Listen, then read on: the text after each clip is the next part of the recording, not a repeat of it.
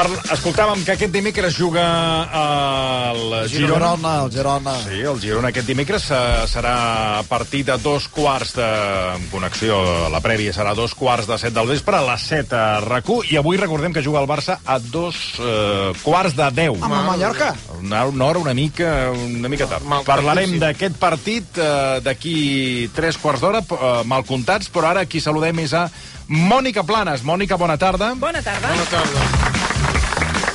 Que avui ens porta un documental de Doniail Luna, ho he dit Sí, bé? senyor, ho has dit molt bé. Era una supermodel injustament oblidada. És la primera supermodel negra que va aparèixer a la portada de Vogue. Ah, mira.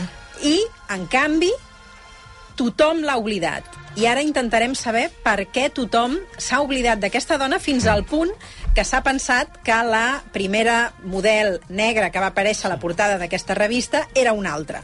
La Noemí, aquella... Era no, Campbell, la Noemí. Campbell. No, no, no, No. una altra. Abans d'ella ja Ah, n'hi va haver una altra. havia aquella Noemí Tots tenim associada Noemí com a top model a la Naomi Campbell. Sí. Aquesta, I, de fet, em serveix per, per recomanar-vos una altra sèrie documental, que és uh, Supermodels, mm. que és una sèrie de quatre capítols que hi ha a Apple TV+, on les quatre grans, Grans. supermodels, que són la Naomi Campbell, mm. la Christy Tarlington, la Cindy Crawford i la Linda Evangelista, uh, expliquen la seva trajectòria. És a dir, són quatre capítols, des dels seus inicis, al màxim apogeu d'aquestes de l'època de les supermodels, i després una mica la crisi, la part més fosca de- d'aquesta mm. feina, fins al seu llegat. És a dir, com aquestes dones s'han reconvertit per tenir avui en dia, per continuar la seva carrera, quan els hi deien que quan fossin grans ja no tindrien Ja no feina. tindrien... Sí, sí. Al marge d'això, he pensat, aquesta ja la gent ja la mirarà, jo crec que els dos primers capítols són una mica superficials, però que en canvi el tercer i el quart capítol són més interessants. Però llavors vaig trobar la història de la Donier Luna a HBO Max, és un documental que, que dura una hora i mitja, que parla d'aquesta supermodel. I com que tots les supermodels les tenim molt presents Hombre, als anys com 90... ara no, eh? Eh, que sí, vostè les té Encara molt present, I eh? tinc pòster a sota el llit en un canapé. Home, jo de la que supermodel, de la que sí que recordo, Mm, perquè era una dona... Bueno, era, era una dona d'aquestes que et deixava sense, sense... Era la Cindy Crawford, jo estava La enamorat de Cindy Cindy Crawford. Un... Doncs mira, pots recuperar aquest Per això- per això documental, dic que veuràs que està extraordinària, Sí, sí, ho, uh, li he seguit les passes Ah, i sí? segueix estant extraordinària.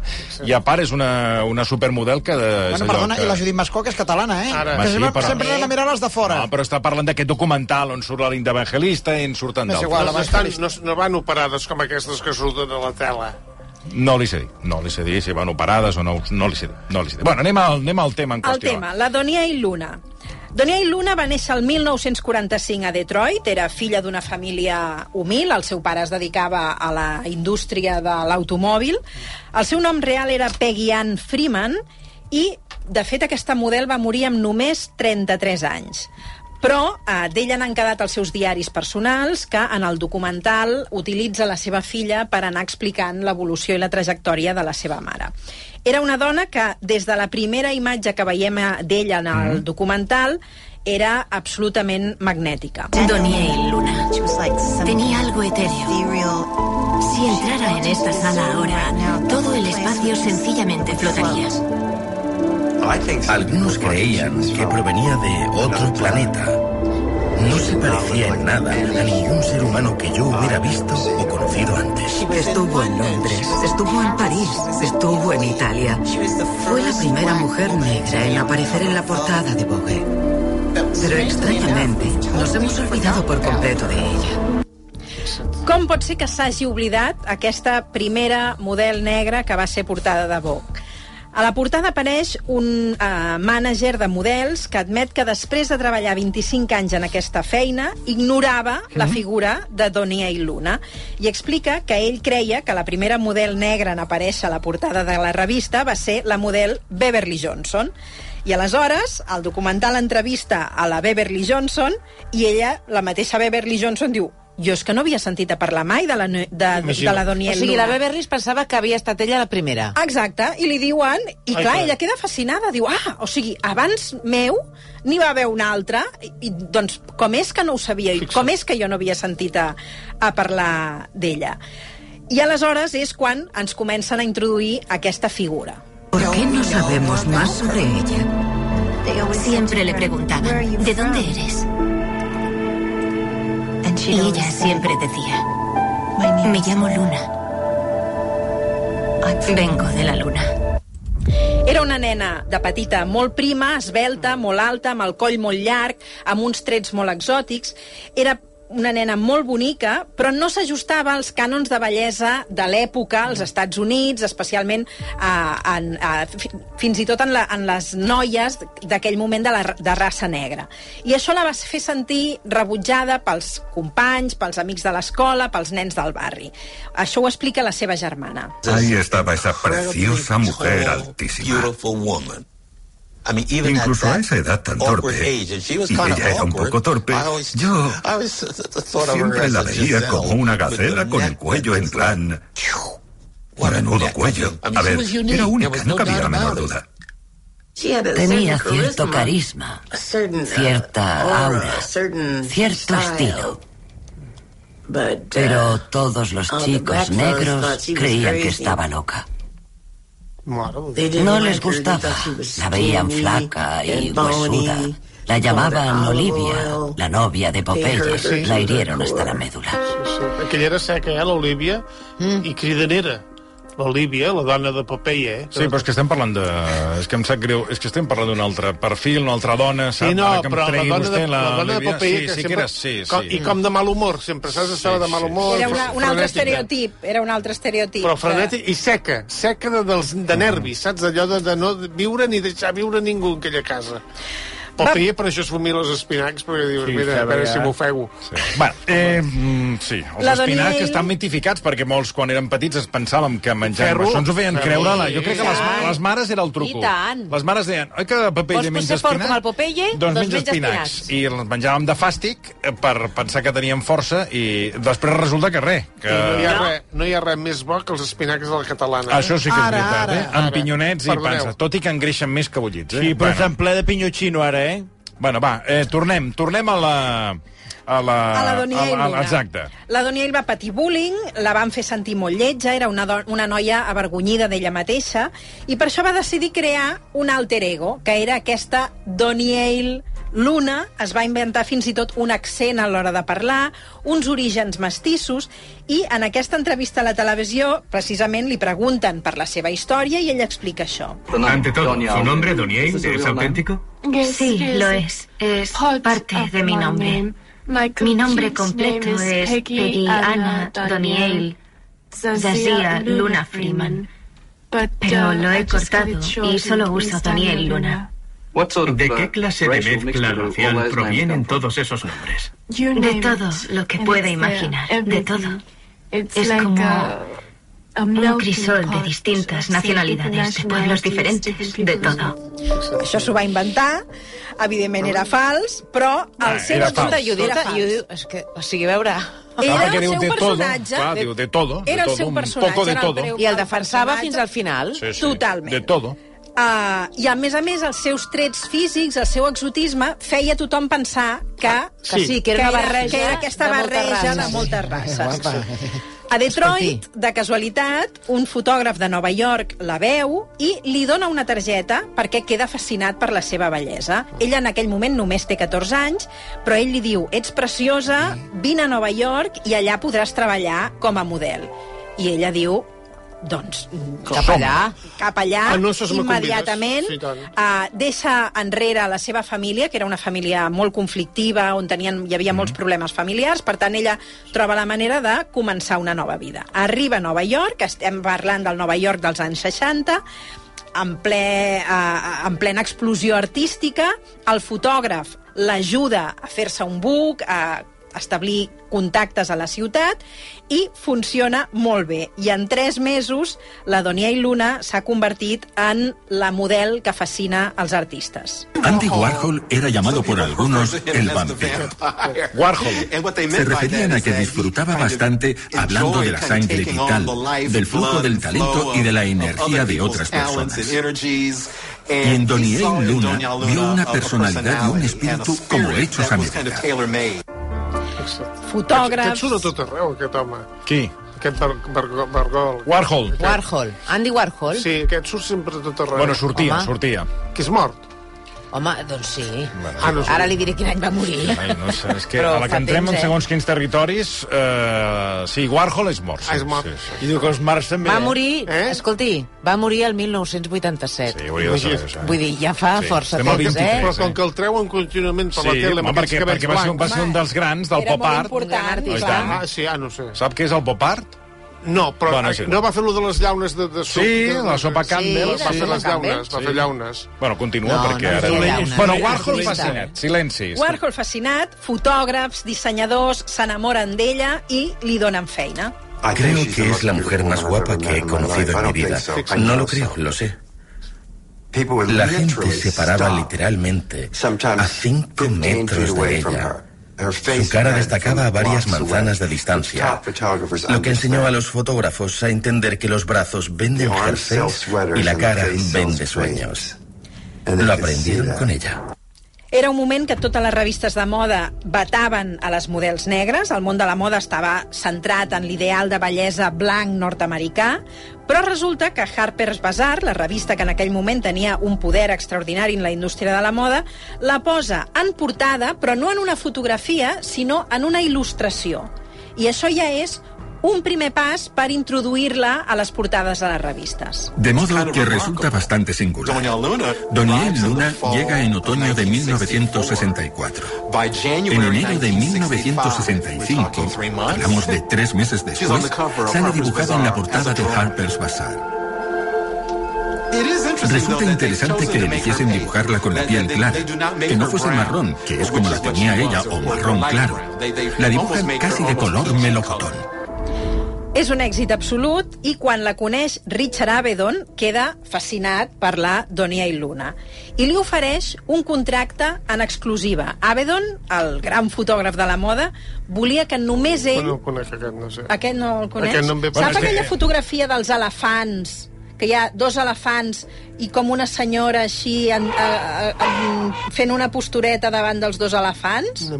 No la ve. No. Eh, Jo me recordo d'aquella de, de la viga de ferro que hi ha uns treballadors menjant Sí, un bocata. aquest sí. Però aquesta és una fotografia, Aquesta no, aquesta és però una aquesta no és seva, eh? Aquesta no és del... Ah, no, és Sí, del aquesta, que estan allà, I no una mica de ferro allà, eh? a, a Chicago Sí, o, o a No, Massachusetts. és a Nova York, A Massachusetts. I no estan allà amb unes vigues de ferro. Però potser a no sé quants metres, que ja deuen és ser dels símbols de Nova York. Que és allà, em sembla que és és igual, a, a, és igual. a Toronto. I estan allà no. menjant amb una viga de ferro, Sí, hi ha uns sí. treballadors... Però alt, alt. Alt! Ara, gràcies, Àlex. Hòstia, a veure si podem centrar-nos. A veure, et parlaves de... Del eh, Richard Ara. Ara. que queda fascinat per ella, li demana un contracte en exclusiva, només la vol fotografiar ell, i, per tant, eh, Daniel Luna passa a ser eh, la primera dona negra de la revista Harper's Bazaar, aquesta vegada sí, en una fotografia. Eh, es converteix en una estrella de la moda d'un món que rebutjava les dones que eren com ella. Però què passa? Que quan surt a la venda la revista hi ha una reacció que no esperaven. Cuando salió el número, la población blanca del sur rechazó por completo la revista. Harper's Bazaar tuvo un montón de reacciones en contra. Perdieron suscriptores. Los publicistas se echaron atrás y entonces se hacía imposible hacerla salir en la revista si ésta quería poder salir adelante. Es crea una barrera per les dones negres, sobretot per Donia i Luna, que era la que tenia en aquell moment més acceptació. Totes les agències acorden davant d'aquella reacció que és millor evitar contractar-la. Doniel es queda sense feina i, a més a més, passa un fet tràgic a la seva vida. La seva germana ho explica. Estábamos en pleno invierno. Mis padres tenían una fuerte discusión, como una pelea. Y no sé. Mi padre estaba en el coche que le había comprado mi madre y salió del coche. Yo estaba dentro de casa viéndolo todo por la ventana. Tendría unos 15 o 16 años. Y mi madre disparó y mató a mi padre.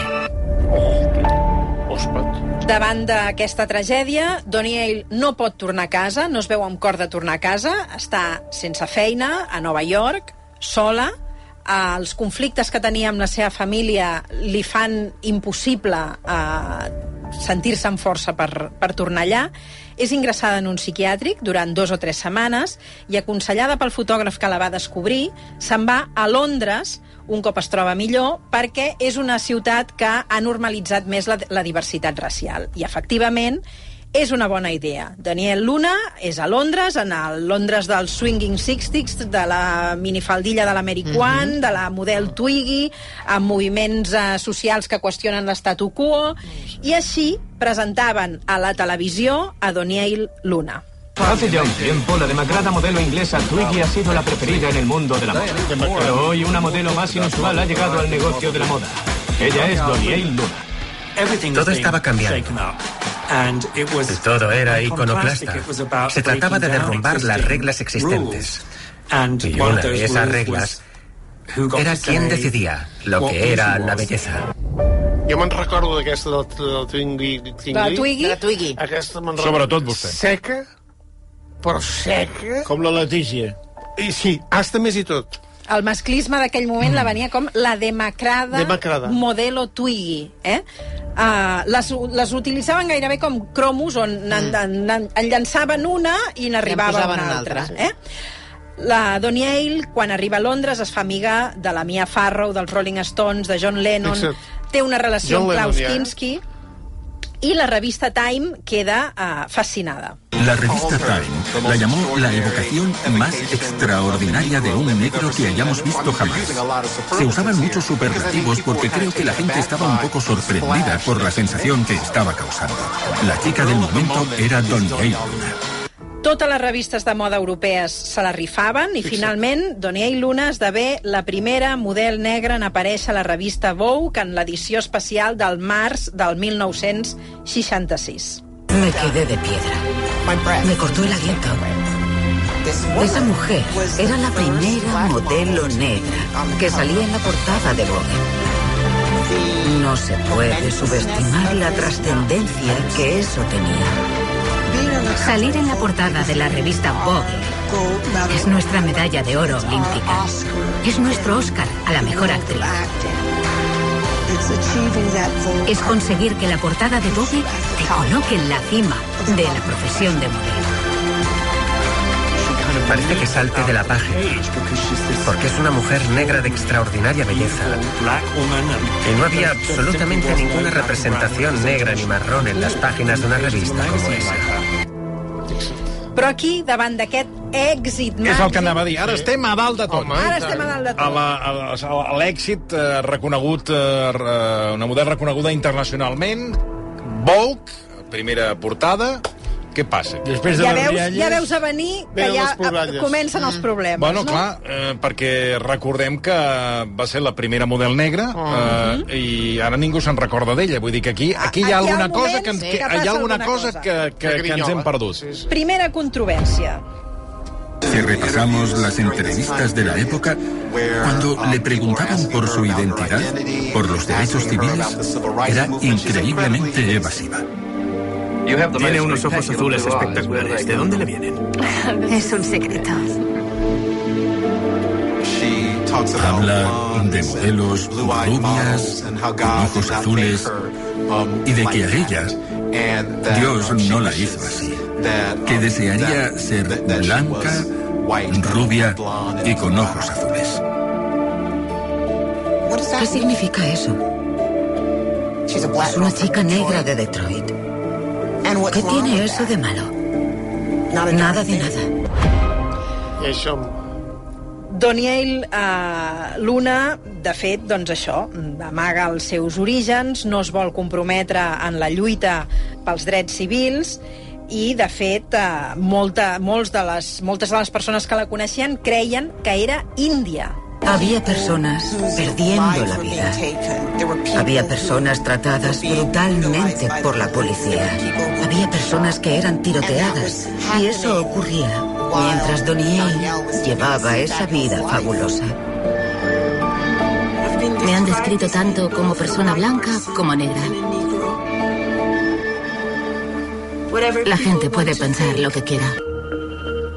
Ella no es vol comprometre i fa, això fa que una part de la comunitat negra eh, se senti decebut La raconi. perquè tenia una oportunitat per reivindicar Clar. els seus drets I i no ho va ella no ho fa. D'altres pensen que, en certa manera, ella va ser víctima d'aquest autoodi que feien eh, créixer eh, en, el, en el racisme, no? Eh, Doniell se'n va a París i allà coneix a Salvador Dalí. Dalí la adoraba. Y el día que volvió a casa con el vestido dibujado por Dalí, cuando entró le dije, ¿de dónde has sacado ese vestido? Y contestó, es un dibujo que Dalí hizo de mí en el vestido. Yo dije, ponlo en una caja y envíalo al Louvre. Es una pieza de arte. Y ella, ¿tú crees? Dije, no, no lo creo, lo sé. I ara per mi arriba el que és el clímax del documental. El documental recupera els dietaris de Richard Avedon i n'hi llegeixen un fragment a la Beverly Johnson. Recordareu que és aquesta model negra Que se suposava que era la- havia estat la primera. la primera en haver sortit a la portada. En el text es demostra com la responsable de, Harmer, de Harper's Bazaar, Diana Breland, prohibeix a Avedon treballar amb Doniell. Pareu atenció al diàleg perquè, sobretot els silencis de Beverly Johnson, quan escolta el que li estan llegint, perquè li costa molt pair el que sent. És a dir, he mantingut el, els silencis Mhm. tal i com estan en el documental i la seva reacció final. Esto es del archivo de Avedon. Escribió, se acercaba el día del viaje y entonces llegó la llamada que ya sabía que recibiría. Era Diana pidiéndome que fuera a su despacho. Eso hice. Me senté. Después de una pequeña charla me dijo, Dick, no puedes llevarte a Luna a Japón. Nadie quiere parecerse a nada de lo que ella representa. Y esta es la reacción de Dick. Me quedé estupefacto y asqueado. Le dije, Diana, ella es extraordinaria. Y me contestó, ¿también lo era King Kong?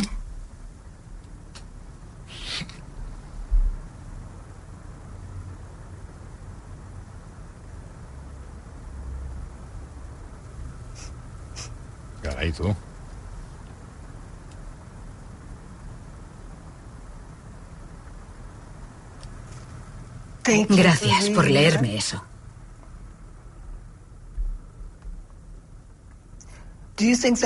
¿Cree que llegaron a contárselo a ella? No creo que le contara en detalle lo que había pasado. Pero también menciona en este archivo que ella le escribió una carta que por desgracia no está aquí. Pero dice que la carta era desgarradora porque decía, sé que soy buena, sé que trabajo duro. No puedo entender por qué no me contratan. Me va a hacer llorar. ¿Qué es? Que no es justo.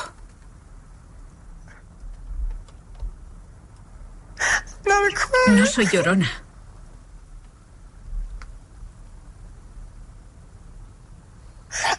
No soy llorona.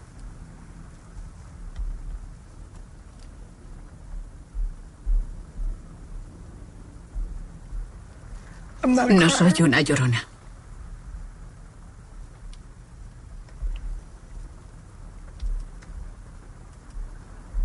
Es todo el dolor acumulado.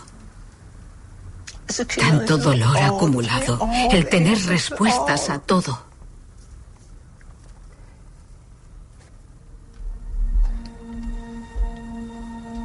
Por eso duele tanto. La, la model es, es desmunta perquè és com si tot el dolor de tantes dones negres que han estat rebutjades es fa explícit d'una manera mm, cruel en Mhm. aquesta conversa i de cop ella que està parlant amb molta naturalitat i que està fent explicacions, de cop la, la persona que està entrevistant es desmunta i sent aquest pes de tant de dolor acumulat i té aquesta reacció que per mi eh, és de, el, el clímax del Mm. documental que explica molt d'aquest rebuig en el que Donia i Luna intentava sobreviure. I era una dona la que, va, la que va fer això, la que la va prohibir. Una dona blanca. Sí, sí, una Sí, dona una blanca. blanca però, però la va prohibir amb aquest, aquest fotògraf. Era, una, era diguem, la, la, la, La gran, mestressa. la gran uh, diva, la, gran, la persona més poderosa en aquell moment uh, de la moda Exacte. i per tant era qui tenia la capacitat de poder prohibir no la fotografies perquè no faré servir les teves fotografies si ell està a la fotografia i de fet en el documental es pot veure com en moltes ocasions fotografies que existien de la Donia i Luna les repetien amb altres models amb els mateixos vestits Fixa't. intentant fer les mateixes postures però després t'ensenyen les dues No a fotografies i et diuen mira quina força ha perdut la fotografia uh, per tant uh, diguem que el, Mhm. el, el contrast és, és evident el que perdien vetant aquesta dona per tant, eh, la Doniel, després de París, se'n va a Itàlia. A Roma coneix un fotògraf amb qui es casa, que és un penques que surt en el documental perquè és el, fi, és el pare de la filla de la Doniel, que aquesta filla és la que serveix de fil conductor. Quan neix la nena, ell explica això. Todo fue sobre ruedas. Cuando nació la niña, se sentía muy feliz. Le llevé champán, flores y un porro. Oh, però... És el que regales quan Borro i ara. neix una criatura a la teva dona. Un porro. Champany, flors I un porro. i un porro. Bueno, flores y un porro, eso sí, champán, no. Que més... Yo se lo regalé a mi ex. Va, eres tonto, eres tonto de nacimiento. Sí, de- Sí, definitivament. sí, és, eh, és curtet. Bueno, digues. Neix la nena i la mamma del fotògraf italià li agafa tírria a la Doniel per un motiu curiós. A mi madre no le gustaba mi relación con Doniel. Porque un día, en el periódico de la tarde, salió en gran titular que Doniel Luna quería alquilar un helicóptero y esparcir marihuana por todo el Vaticano. Mi madre era supercatólica, así que cortó su relación con ella y ya nunca más. Fue para siempre. Adiós, que te den algo parecido. Técnica y prácticamente esa era la situación. Però això és veritat. No ho va arribar a fer, però hi havia la Però foto volia- de la llançar amb un helicòpter No. i va crear, es va crear com aquesta però- narrativa. I Era cert que uh, Doniel durant molt temps uh, va uh, consumir uh, drogues, per mare tant, de de fet aquestes drogues eren el que li provocaven en moltes ocasions aquests, aquests problemes en la seva salut mental. Mare. Què ens trobem? Amb aquest marit que fa més cas a la mamma que a la mare de la seva filla, fins al punt que quan la deixa abandonada en una casa al mig del bosc, decideix emportar-se la nena amb la seva mamma perquè eh, la Doniel es quedi eh, allà sola al bosc, amb la situació que la Doniel està cada vegada més sola, més abandonada, sense ningú que li doni feina i sense cap oportunitat i amb un marit i que s'ha emportat la filla i, per tant, no té ningú que l'ajudi. Voleu saber com acaba la història? Home, i Sí. tant, i tant. Doncs heu de veure el Va, documental cada dia fas el mateix. Va, va, va, escolta, Luna, eh, Donier, t'ho paguen Luna, perquè- HBO... Et paguen Sí, perquè home. vinguis aquí i ens ho Va, expliquis. home, va. Però Però, no a més a a més, això. heu de veure el documental no només per saber com acaba la història de la Doniel, que no és mm, gaire dos. alegre, Ja, ja. sinó perquè veureu totes les fotografies Drogava, que li drogava. feien, com treballava, escoltareu tota la gent que la coneixia, però sobretot veure les fotografies i les revistes de l'època amb la Doniel Luna, que va crear, va deixar un llegat, de fet, molt important. Hi ha fotografies seves que han mm, aconseguit o que s'han convertit en referent i que moltes altres models negres han reproduït eh, com a homenatge. Es drogava, eh? Com aquí, els Va, periodistes, eh, models, pot tot, callar. tot el mateix. Eh, Mònica Planes, moltíssimes gràcies. A vosaltres. Eh,